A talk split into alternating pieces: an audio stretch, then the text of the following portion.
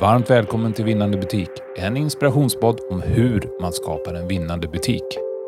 Mitt namn är Peter Eriksson och jag är VD för Store Support. Vi möter och samarbetar dagligen med många av detaljhandelns mest framgångsrika ledare och deras vinnande butiker, vilket är inspirationen till denna podd. Här träffar jag några av dem som på olika sätt driver utvecklingen av vinnande butiker för att ta reda på hur verklig framgång skapas.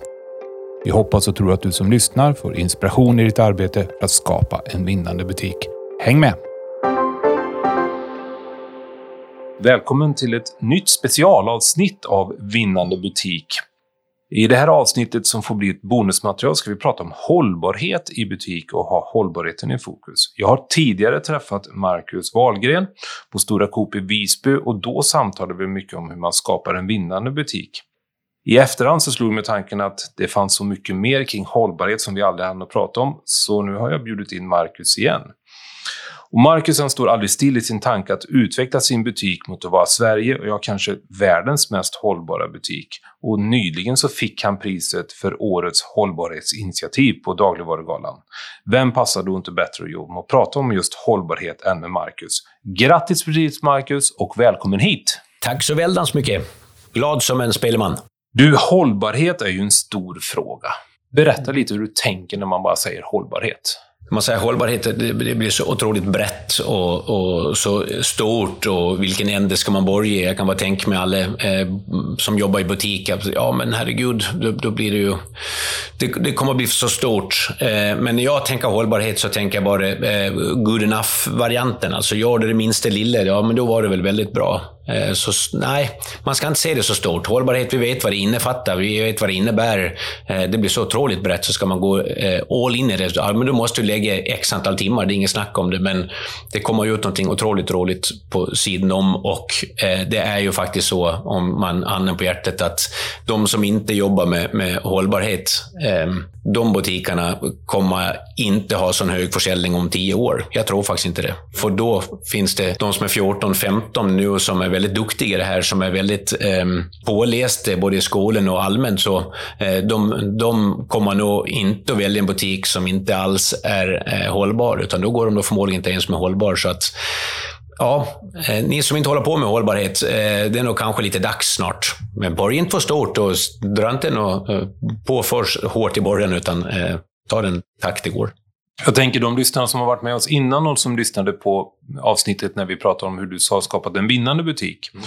Då pratade vi rätt mycket om brödet och hur brödspillet och, och eh, havregryn och så vidare, hur det blev sprit. Mm. Eh, eller spill som, eh, som, helt, ja. som helt, mm. spriten, sorten heter.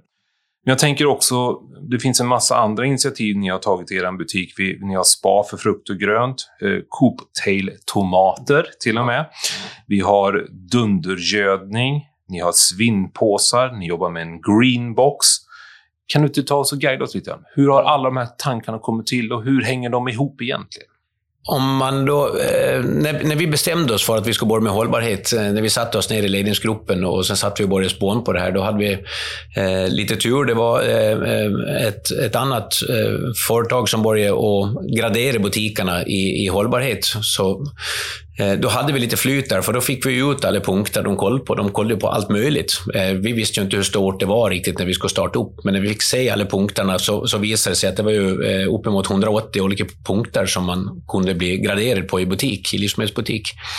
Så vi började egentligen där någonstans. Vi satte oss ner med de flesta punkterna. De fick jobba med det där och de fick jobba med det här i ledningsgruppen. Och, och ja, men, eh, gör vi så här så kan det bli bra, gör vi så där kan det bli bra. Så vi, vi började tidigt där. Eh, och sen eh, i butik butiken så, så var det en kille som heter Simon som hade hand om vår eh, veganavdelning. Um, um, han hade redan kunskap innan, men om man själv i butiken ska börja med, med att bli duktig på vegan till exempel, eh, då funkar det inte att bara köra det som, som kanske då eh, våran leverantör kunde erbjuda, utan då måste man gå utanför boxen, som vi varit in på förut i det förra avsnittet. där. Att man går lite utanför. Och då, så då kontaktade vi eh, de som håller på på Gotland, då, en Facebookgrupp. Jag tror de var 700-800 veganer i den Facebookgruppen. Vi pratade med dem som var väldigt eh, Eh, på i den här gruppen om vad man ska finnas i butik och inte. Att bjöd in dem på ett samtal där vi egentligen förklarade att vi, vi, är, vi kan ju lite grann om vegan, men inte tillräckligt. Vi vill ha era kunskaper. Så de fick vara med och utveckla, ta in det här och gör si och gör så. Så egentligen var det de som, som fick oss till att brinna lite extra just på veganavdelningen. Alltså att man, man, man ber sådana folk som är bättre än man själv är. Eh, så, så, så Simon kunde jobba på, på den eh, änden att ta in saker och ting som kanske inte fanns i en butik. Och det var ju precis det som, som veganerna ville. De ville ju också att vi skulle inte ha veganvarorna eh, i eh, köttavdelningen, eller korvavdelningen eller ostavdelningen, utan det skulle ligga separat. Och då gjorde vi det. Mm. Ja, men kan ni ta in de här varorna också? Ja, men det kan vi göra. Ehm, ja, men får ni lov till det? Ja, men vi gör det, för det är ni som är kunderna, det är ni som kan det här och vi vill göra allt för er. Så vi byggde upp hela den och eftersom det, det gick jättebra i början och vi, vi blev faktiskt den bästa veganbutiken redan första året, men vi var ju inte eh, den bästa hållbaraste butiken. Eh, och, men då hade vi ju, då brann det lite extra, men då ska vi eh, köra all in på det här. Så då jobbade vi ytterligare ett helt år på, på de här och då ploppade det upp, när vi väl började så i samma veve så var det en torke på Gotland. Eh, och torken på Gotland gjorde så att eh, de skickade eh, kreaturen på, på nödslakt. Eh, men då sa vi att då tar vi bort det utländska köttet. Eh, då säljer vi inget utländskt kött i butiken. Eh, och sen gjorde vi en, en kampanj på det. Och det tyckte ju kanske inte Coop var det allra, allra bästa, att man ska ta bort det utländska köttet. Men just i det läget vi var då, nu har vi fortfarande tagit bort det utländska köttet, för det är fortfarande rätt dumt att plocka kött ifrån Brasilien, kan vi tycka då, på Coop Gotland. Men i alla fall så, eh, så de kanske inte tyckte var det allra bästa. Så kan man väl eh, lugnt påstå. Men när landsbygdsministern ringer på kvällen och gratulerar min chef till en bra kampanj, eh, ringer till Kalle och säger att eh, det, det var bra gjort det här. Och du kanske undrar vem jag är med Ja, sa Kalle då. Jag vet inte riktigt. Ja, det är Bucht, heter han då. Eh, Lars-Erik Bucht, eh, som var landsbygdsminister. När han säger att det var en bra kampanj, ja men det stått där oerhört. Så det blir ju den här, ehm, eh, den här känslan av stolthet och det här eh, ehm, nu ska vi jädra springa ännu mer på det, på det hållbara. Och sen var det bara bort med plastpåsen, och bort med det och vi gör bara si och vi gör bara så. Och sen kom alla de här grejerna och det är egentligen inte vi som har kommit på alla de här prylarna som vi gjort, alltifrån spa, eh, Greenbox som vi pratade om, jag kan gå in lite mer på det senare, men det var ju andra företag som hörde av sig till oss, bara för att vi var ju hållbara där. Vi, vi håller på med det här. Och någonstans där så, så då, då fick vi det priset som den hållbaraste butiken på Gotland. Eh, men jag kan väl säga att det är väl någonstans där också som vi tog ett jättekliv vad det gäller hållbarhet. Efter vi har blivit den mest hållbara i Sverige. För vi hade gjort alltihop. Vi hade satt upp busstidtabellerna i butiken så att kunderna kunde ta bussen. Eh, vi hade kollat upp att det verkligen var grön el i alla våra system och i alla våra kablar. Eh, vi hade gjort allt ifrån svimpåsar, som du pratade lite grann om innan, men det gjorde ju alla andra. Så vi var tvungna att sticka ut så pass mycket, så att, eller göra det ytterligare, som gjorde som ligger i vårt DNA, som att, att vi ska sticka ut. Och då började de här små idéerna, allt ifrån spaavdelningen, Om det var ett företag som hörde av sig, men ska vi inte sätta en, en, en, en dimme som, som ligger över frukten? Det är jättebra för frukten, det gör det så den håller sig i tio dagar extra. Och eftersom jag har eh, jobbat i butik förut, för länge, länge sedan, på, på rätt pris, då hade vi ju kört den där dimmen redan. Och sen, nej, men det, det, den här dimmen, det blir inget bra, för det blir för blått. Det blir för blött, säger man inte på gotländska, så säger man blått. Och ingen fattar vad jag säger, men det, det blir för blött på kartongerna, så kartongerna blir dåliga och träet boingas i. Mm. Eh, så allt, allt blir trasigt i en, i en fruktavdelning. Nej, men det här är, eh, det är uppskakad ånge. Det här, den här liksom vibrerar igång så att eh, det blir inte så blött på kartongerna. Eh, ja, vad kul, så men vi kan testa det. Så de satte igång den här maskinen och det är hur bra som helst. Eh, kylen det går ner en, en 3-4 grader någonstans. Det gör inte alls så att det blir plaskigt i avdelningen, utan det är torrt och fint, läggas över frukten. Eh, frukten håller sig bra mycket längre, så att vi kastar bra mycket mindre frukt nu. Jag har ingen procent som jag kan dra riktigt ännu, för vi har varit igång i några månader. Eh, men det var ett projekt. Greenboxen, jätteroligt. Eh, det kommer in en gotlänning och säger att ni skulle borde ha en sån här maskin som jag har hört talas om. Eh, då jobbade han med, med, i Storkök, Gotland heter det företaget. En sån här maskin, för den, den gör så att ni kan eh, göra eh, ni kan värma upp allting ni ska kasta. Eh, I 84 grader i 15 timmar så kommer det ut en jord som ni sen kan kasta. Då. Eh, så slipper ni att skicka iväg det med, på Ragn-Sells Ja, och jättebra sa vi. Ja, men det kan vi eh, såklart göra. Vad, har du, vad, vad är det för... Eh, hur fungerar det? Ja, men de heter Greenbox. Ring till dem. Och så ringde vi till dem och sen pratade vi med dem. Och då visade det sig alltså att vi ska alltså inte kasta någon mat. Det är ju det som är själva grejen. Men ibland så är man ju tvungen. Eh, efter vi har gjort alla påsarna, vi har varit igång med Why Waste, en annan sak som jag kan berätta en annan gång om. Why Waste som har gjort så att vi har fått väldigt bra hyllar, vi har koll på datumen, vi säljer det vi ska göra, men i förbaskat så blir det lite kast av det. Om man sen efter man har gjort svimpåsarna direkt efter hyllen inte kan ta vara på det, eller man har sålt ut det på Why Waste, Eh, Eh, med 30 procent neddraget. Eh, när kunderna sen väljer bort det, då har man lite småjobbigt, för då, då är man tvungen att kasta det. Men som vi la till, då la vi till en massa studenter som kommer och, och eh, två gånger i veckan till oss och plockar med sig det här eh, frukt och grönt, eller mejeri eller charkprodukterna som man är tvungen att kasta där eh, för att datumet eh, är precis på väg och, och, ska gå ut. Då kommer de och, och, och sen eh, drar bort en massa, 150 kilo i veckan ungefär, där de kommer och får köpa det då för 30 spänn istället för, istället för svinnpåsen som kostar 60, istället för det ordinarie som kostar 120, om ni förstår det. Man trappar ner det i den mån det går. Too good to go la vi till direkt, för det var ett perfekt företag som genom en app kan göra så att kunden sitter hemma och bestämmer att oh, jag ska åka bort och köpa en, en eh, charkpåse på, på Coop. Då kommer de bort till oss och de säger till i, i disken, för de har ju satt upp en på, på hold eh, genom appen. Eh, de får se i påsen vad det är för någonting. Ja, bra, mozzarella och lite skinka och lite kött. Det är precis vad jag behöver. Och då gör de betalningen, visar upp för oss och vi får betalning från Too Good To Go. Alltså en jävligt bra app som har gjort så att vi kan täcka bort en 100-150 kilo i veckan ungefär, som vi annars skulle ha kastat i Ragn-Sells.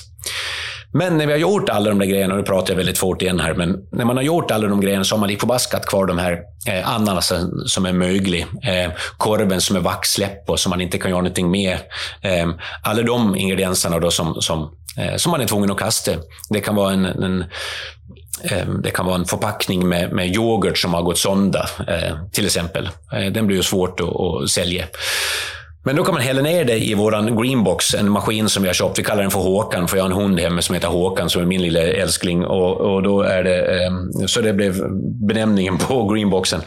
Då kan man kasta ner det i den där maskinen. Den klarar av 100 kilo per dag. 100 kilo som sen när det, efter 15 timmar i 84 grader kommer ut en, en, en jord som man sen antingen då, som de tyckte att man skulle bara kasta iväg, men vi så kommer att tänka på att ja, men tänk om man kan sälja den jorden till kunderna så att kunderna kan köpa hem gödningsjord som gör så att det blir fantastiskt bra för tomaterna. För det är typ tomater vi har kastat i där bara 10 procent av det också. Eh, det är, inte, det är ingen större mängd. Man kan inte odla någonting i det i och med att det är så otroligt mycket näring i den här jorden.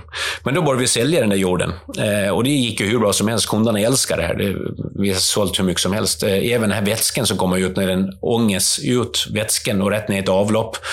På med en dunk, ner med det flaskor som man sen kan sälja till kunden. Då har man liksom två försäljningsenheter på någonting som man annars skulle ha kastat. Alltså våra egna avfall från fikarummet. 100 personer pers anställda. Det blir bra mycket eh, som man får kasta i den änden. Då. Eh, ner i maskinen och sen blir det en gödningsjord och även ett gödningsvatten som man sen säljer till kund. Då har vi ju nästan snart känt in de pengarna, vad det eh, kostar att köpa en sån maskin.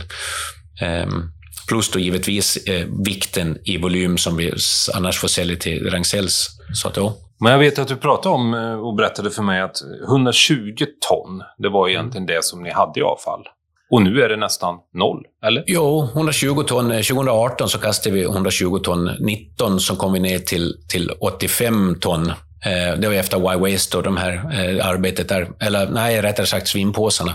Och sen efter Y-Waste och andra grejer som vi låg på där så kom vi ner till eh, eh 40 ton. Eh, så 2020 kastade vi 40 ton. Så var det. Eh, och nu 2021 så är vi nere på ungefär eh, eh, förlåt, 40 ton. Mm. Sa jag 40 ton? Ja, bra, 40 ton. För nu ligger vi på eh, ungefär ett ton i, i månaden. Eh, mellan 6 och 900 kilo ungefär kastar vi just nu.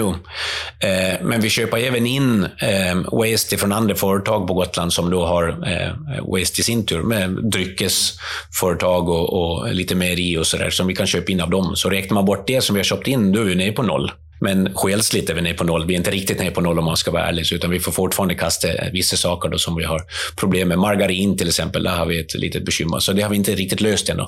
Men, men inte att vi kastar ett ton margarin i månaden, det låter galet, men det finns en del eh, vackförpackningar. Man, man köper en del miss och sånt där. Man, man, man kommer fel på en del inköp som gör så att man får lite, lite kilo. Men Eh, vi ska ju aldrig upp förrän vi ligger på noll och vi har inte långt kvar. Jag, jag tror det ligger eh, några månader bort, sen är vi nere på noll. Ja, men det är en jätteinspirerande resa för alla att höra att det faktiskt går och att det går att hitta en affärsidé också på att, att verkligen ta hand av det som vi kallar för, för spill eller skräp eller överblivet annars. Mm. Ja. Du, eh, en av de första gångerna vi träffade dig, då, då, det var på White Guide också. Då berättade mm. du väldigt passionerat om er aktion som ni hade i fiskdisken. Ja, just det. Ja. Berätta lite om det. Ja, Nej, vi har, eh, vi har faktiskt idag, eh, det är måndag idag, eh, då hade vi vår aktion. Nu har det varit corona, så den ligger lite i träda kan man säga. Men nu drar vi igång den idag. Eh, den aktionen eh, kör vi på måndagar. Klockan ett då samlar vi ihop all, eh, eh, all fisk som vi har kvar efter veckans försäljning, föregående veckans försäljning. Då. Så på måndagen då, då kommer det dit ja, allt mellan, mellan 15 till 40-50 pers har det varit på de här auktionerna. Och sen står vi och auktionerar ut egentligen, eh, då Martin och Simon igen som jag pratade om tidigare här. Eh, de ställer sig där och sjunger en liten trudelutt på gitarrerna och får damerna och herrarna att skratta i, i 45 minuter. Och sen har vi auktionerat iväg all den fisken som vi annars skulle ha kastat. Då. Eh, så att, ja, det är fantastiskt. Det är jätteroligt, eh, hela den, den grejen. Eh, och det har de ju gjort länge. Det var ju långt innan jag började jobba där. Så de har gjort den här. Och det, är, det var inte en början på det. Jag tror inte de tänkt så jättemycket på hållbarhet eh, på den tiden. Men, men eftersom vi har dragit igång det här så är det precis down our alley. Ja, men spännande. Det finns mycket att göra i en butik. Mm. Det finns mycket man kan bara genom sitt engagemang, som vi pratade om i den förra podden också, att få eh, personalen engagerad i själva frågan. Eh, det i sig skapar ett intresse utifrån. Du har bevis på att leverantörer, andra aktörer kommer till dig och börjar säga att du är bra på det här, kan vi mm. liksom samverka? Så att, att ha en positiv approach till det hela och att därigenom skapa en diskussion och ett samarbete har visat sig väldigt framgångsrikt för er. Mm. Och att komma ner till så att säga, det är er vision att vara kanske bäst i världen då, hoppas vi, men mm. noll. Mm. Eh, det är väl helt fantastiskt? Jo, det är jätteroligt och det blir en otrolig sporre för alla medarbetare som är involverade också. Ehm, och sen ploppar det upp idéer efter, till exempel när vi gjorde den här eh, vodkan, då, spill vodkan, eh, så visar det sig när man, när man gör då spill, efter vi har fått reda på det, eller efter man gör vodka, så kallas det för heads och tail, alltså starten och slutet på vodkatillverkningen. Eh, och det skulle de ju kasta bort. Men då, efter ett samtal bara med, med han som tillverkade, så men kan vi inte göra handsprit på det där? Och sen ringer till ett gotländskt företag som, som hade börjat prata om handsprit, eller de gjorde faktiskt handsprit redan innan, men då sa vi man kan inte ta det här spillet därifrån som, som ni kan använda och göra handsprit. Eh, jo, jo, det är inget problem. Men sen visade det sig att vi var tvungna att trycka i rätt mycket eh, parfym i den där, för att det luktade inte så jävla jättegott, eh, ren sprit, eh, som då hetsade till. Men då eh, sköt de i lite mer parfym och eh, nu säljer vi den butiken som då eh, eh, Dundersprit, som vi kallar det för då. Och sen har vi dundergödning där till den här, från maskinen som vi får ut. Så att det, det föds saker och ting föds eftersom man börjar med någonting. Det är ju så med, med hela livet egentligen. Eh, och är man engagerad och får med sig en massa folk, då skjuts det in ännu mer idéer. Så det är inte bara vi som kommer på, som sagt. Det är kunder, det är leverantörer, det är folk runt om, det är medarbetare. Det är, alla pratar eh, eh hållbarhet på Stora Coop i Visby och då är det väldigt lätt att man kan haka på nya trender och tankar och funderingar. Och en av mina frågor till när vi skulle göra den här podden var ju att säga, går det att tjäna pengar på hållbarhet? Och då nickar du bara. Och det är ja. precis det du har beskrivit nu. Det går att tjäna pengar och, och, faktiskt göra ett bra avtryck också. Helt klart, helt klart det gör det. När vi har de normala poddarna, vi pratar om vinnande butik, Marcus, då brukar jag ställa en avslutande fråga om man har några tips hur man ska komma igång. Men det här så tänkte jag säga att om, du, om jag nu som sitter och lyssnar på det här då och tänker, han har gått igång ordentligt, Marcus, där på Gotland. Har du något råd till en handlare eller till en medarbetare i butik hur man kommer igång och hur man blir ännu bättre på hållbarhet? Något litet, litet tips bara. Ja, det ena tipset egentligen, sätt den. Om du själv tänker att nu ska jag bli lite bra i hållbarhet i min avdelning till exempel. Ja, men det räcker i den avdelningen. Ta med dig alla de som jobbar i den charkavdelningen och, och, och berätta för dem och exempelvis om du är ansvarig för den avdelningen, eller även om du inte är ansvarig, så kan man göra det i, i småskaligt. Det behöver inte vara allihopa, utan ta den här lilla mejerikylen då. Ja, men hur ska vi bli bättre på det här? Ja, men då vi kanske ska, ska ta och hälla ut yoghurten istället för att kasta den direkt i, i soporna. Vi häller ut den där, sen vikar vi ihop förpackningen och kastar den i, i pappersåtervinningen. Det tar några minuter till, men fan kan vi inte börja? Så egentligen småskaligt fast storskaligt. Det bästa är om en, en, en, en butikschef behöver inte heller vara, det kan vara en medarbetare som bestämmer att ja, men ska vi inte ta ett helhetsgrepp och sen sätter man sig ner så stort gäng man bara kan. För det, man kan inte lösa det här själv, för då blir det, då stångar man sig blodig till sådana som inte eh, riktigt tycker som man själv tycka. Och vi har ju haft våra, våra dustar med en del kunder och, och någonting som jag brukar prata om just vad det gäller hållbarhet är att jag själv är gråhårig, eh, 50 år. Så jag är väl den personen som jag själv brukar eh, raljera om att förändra en gubbe i 15-årsåldern som är gråhårig, förändra han till att inse att det här med hållbarhet kanske inte är så dumt. För det är väldigt många som tycker det här med Greta, det hon håller på med, eller det här med hållbarhet, vad håller ni på med det här med plasten, eller varför gör ni så där för? Slut med det där. De kan väl bli bättre i, i, i Indien istället, där de har jätteproblem. Men är vi väldigt bra i Sverige och, och vi kan visa eh, andra eh, länder att, att gör så här, eller gör si, eller gör så. Så vi har fått jättemycket kontakt med andra länder i Norden, eh, bara efter vi har börjat med det här. Jag har varit på Teamsmöte med brasilianare, eh, brasilianska eh, företag.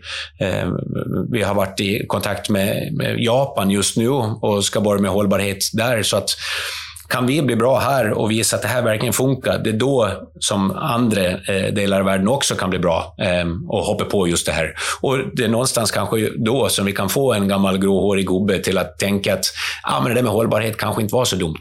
Det kanske går att göra eh, eh, vodka på, på pasta och bröd. Mm. Då kanske den här gubben tycker att det där var inte så jävla galet. Ja, men då har vi vunnit en i alla fall, så det gäller att inte... Det var ett otroligt långt svar på din fråga igen här, men... Ja. Men summerat så säger du egentligen att börja i det lilla. Ha inte för stora planer, utan Samla din personal, låt dem ta ansvar, låt dem börja fundera och det är utifrån det som du egentligen har byggt en väldig massa saker som sen bara har jobbat på. Och det är ju fantastiskt att kunna vara representant, sitta på Gotland, ha sin eh, affär och sin butik där och sen kunna påverka även andra världsdelar och andra länder. Mm. Och man behöver inte komma dit, utan ta det, ta det lilla. Gör så gott man kan. Eh, var glad för det. Och då har du i alla fall gjort någonting klokt. Så att, se det inte för så stort. Och som sagt, det, du måste ha roligt och du kommer att tjäna pengar. Jättetack Marcus för det här bonusavsnittet. Jag tror att det kan inspirera en del andra till att ta några nya initiativ. Om inte annat så har det inspirerat mig. Så tack för att du kom hit. Tack så hemskt mycket. Tack. Du har lyssnat på Vinnande butik, en inspirationspodd från Store Sport. Vi är ett tjänsteföretag med affärsidén att skapa effektivitet och lönsamhet hos företag i detaljhandelns alla led. Är du intresserad av att veta mer om oss och hur vi kan bidra till er vinnande butik? Besök oss på storesport.se för mer information och inspiration.